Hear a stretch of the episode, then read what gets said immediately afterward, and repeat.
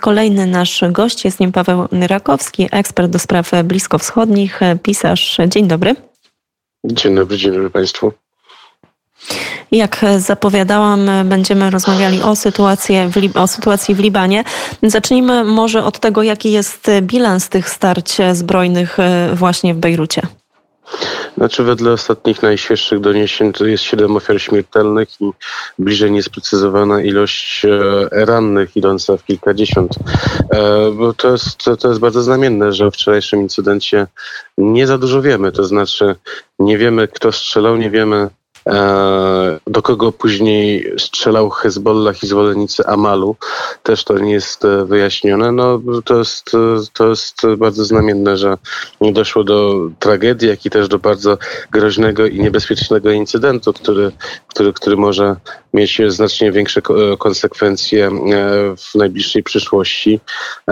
I e, niestety e, naprawdę na, na tą chwilę jest więcej niewiadomych. E, oskarżenia idące z kierunku Hezbollahu, jak i też szyickiego Amalu e, wobec e, sił libańskich, czyli formacji maronickiej, e, obarczającej tak właściwie maronitów odpowiedzialnością za wczorajszą tragedię.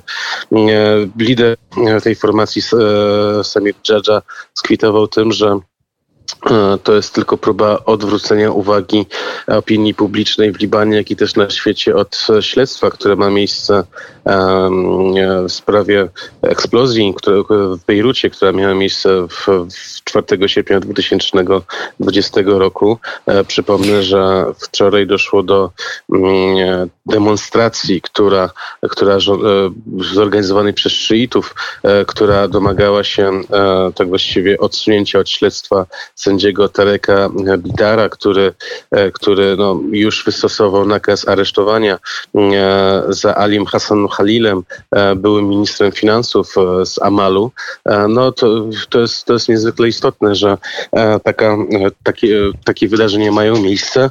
Tak więc, tak więc to jest to jest jest, Czyli tak, przepraszam, że trochę spróbuję, spróbuję to poukładać i podsumować, tak żeby też słuchacze e, Radia Wnet trochę mogli być bardziej zorientowani. Po prostu do e, tej eskalacji doszło po protestach Hezbollahu właśnie skierowanych przeciwko temu sędziemu, który badał sprawę tej eksplozji w bejruckim porcie. To znaczy, to, to, znaczy tragedia, tragedia miała miejsce w trakcie protestu, to znaczy w trakcie demonstracji. E, tłum maszerował w kierunku e, Ministerstwa, Ministerstwa Sprawiedliwości i e, na skrzyżowaniu Tajniuch został strzelany z, z, przez snajperów. Nie wiadomo kto kto, ile było tych snajperów, jak i też kto, kto, był, kto, kto, kto, kto był bezpośrednio odpowiedzialny właśnie za, za ten atak. Tłum został strzelany. E, automatycznie spowodowało to, że to jest obszar, e, gdzie z jednej strony zaczynają się dzielnice szyickie, z drugiej strony jest dzielnica Barbir, sunnicka, ale też już tam prześwituje e, chrześcijański wschodni Bejrut. No i automatycznie doszło do kilkugodzinnych starć pomiędzy Hezbollahem, raczej zwolennikami Hezbollahu i E, niewiadomym, niewiadomym przeciwnikiem, ponieważ nie został ujawnione do kogo strzelał Hezbollah, jak i też e, kto strzelał do, do Hezbollahu. Armia libańska e, pojawiła się na miejscu, ale była tak właściwie bezradna wobec, wobec całej sytuacji, co jest bardzo niepokojące, albowiem wojsko w Libanie jest ostatnią formacją, która jeszcze cieszy się jakimś zaufaniem opinii publicznej. No i teraz, i teraz mamy e, tak właściwie sytuację bardzo, ale to bardzo e, z, zaognioną. To znaczy tutaj zdaniem obserwatorów była to jawna prowokacja, a tutaj Hezbollah już e, tak właściwie sugeruje, że za siłami libańskimi siły libańskie mogą być inspirowane przez tak zwaną, przez tak zwaną bliskowschodnią triadę, którą, którą szczęście zawsze obarczają wszelkie knowanie i nieszczęścia, czyli Arabia Saudyjska, Emiraty Arabskie i Izrael. E, tak więc, tak więc e, co prawda zarówno prezydent Libanu Michel Ayoun, jak i też nowy premier Najib Mikati apelują o, o, o spokój i rozwagę, to jednak, to jednak widzimy, że napięcie jest bardzo, ale to bardzo niebezpieczne.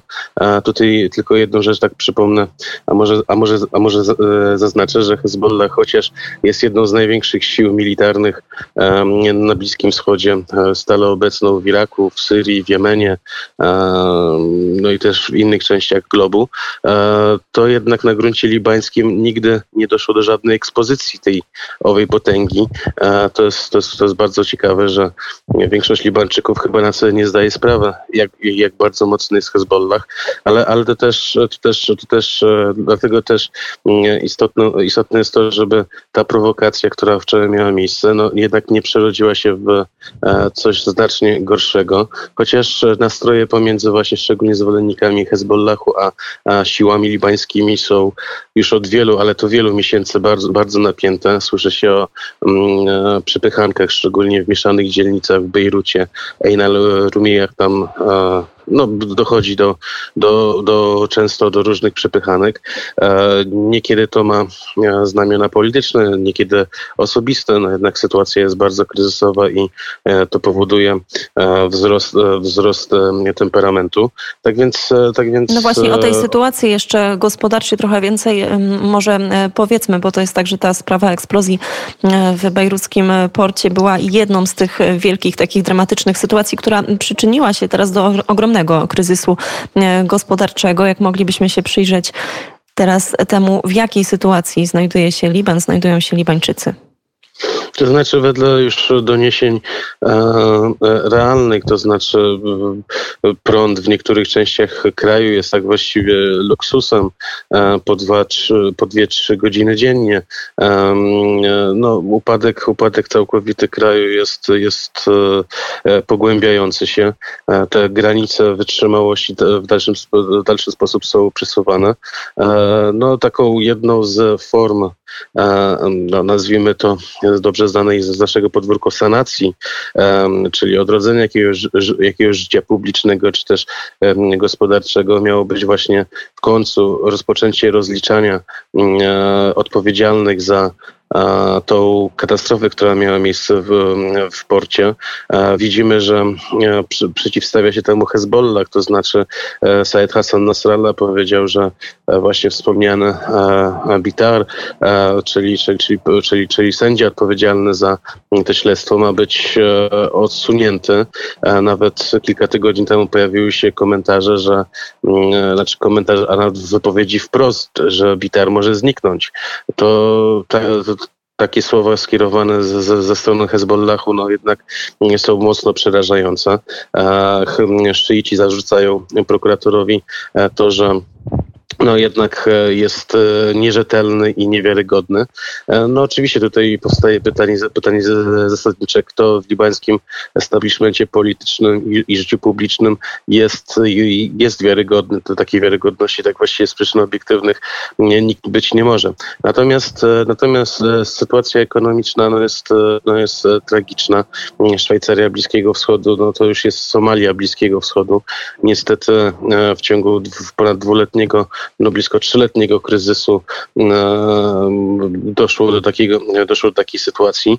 E, na tą chwilę jeszcze to jest, to jest, to jest bardzo istotne, że nie ma żadnych e, powodów ku jakimś woj, wojnom czy też in, innym niezadowoleniom, chociaż mm, przypomnę, że bodajże kilka tygodni temu już dochodziło do takich bujek pomiędzy szyitami a melchitami, czyli wyznawcami kościoła grekokatolickiego w miejscowości miejscowości Magdusze, ponieważ no, była wielka, wielkie problemy z paliwem.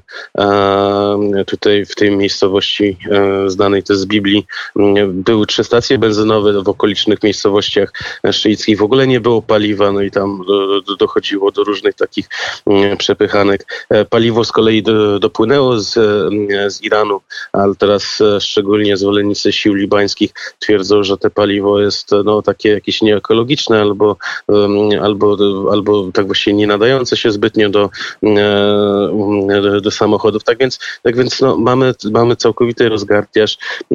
Tutaj nowy premier Najib Mikati bardzo pragmatycznie podchodzi tak jakby do stanowiska, że gospodarka jest pierwsza czyli że e, opracowywany jest plan powstrzymania inflacji, powstrzymania upadku waluty, powstrzymania e, tak właściwie no, te, tej, z tej zapaści ekonomicznej, tylko że znowu pojawiają się komentarze, na ile to będzie wykonalne przy całkowitym, cał, całkowitej dezintegracji mm, e, e, życia politycznego.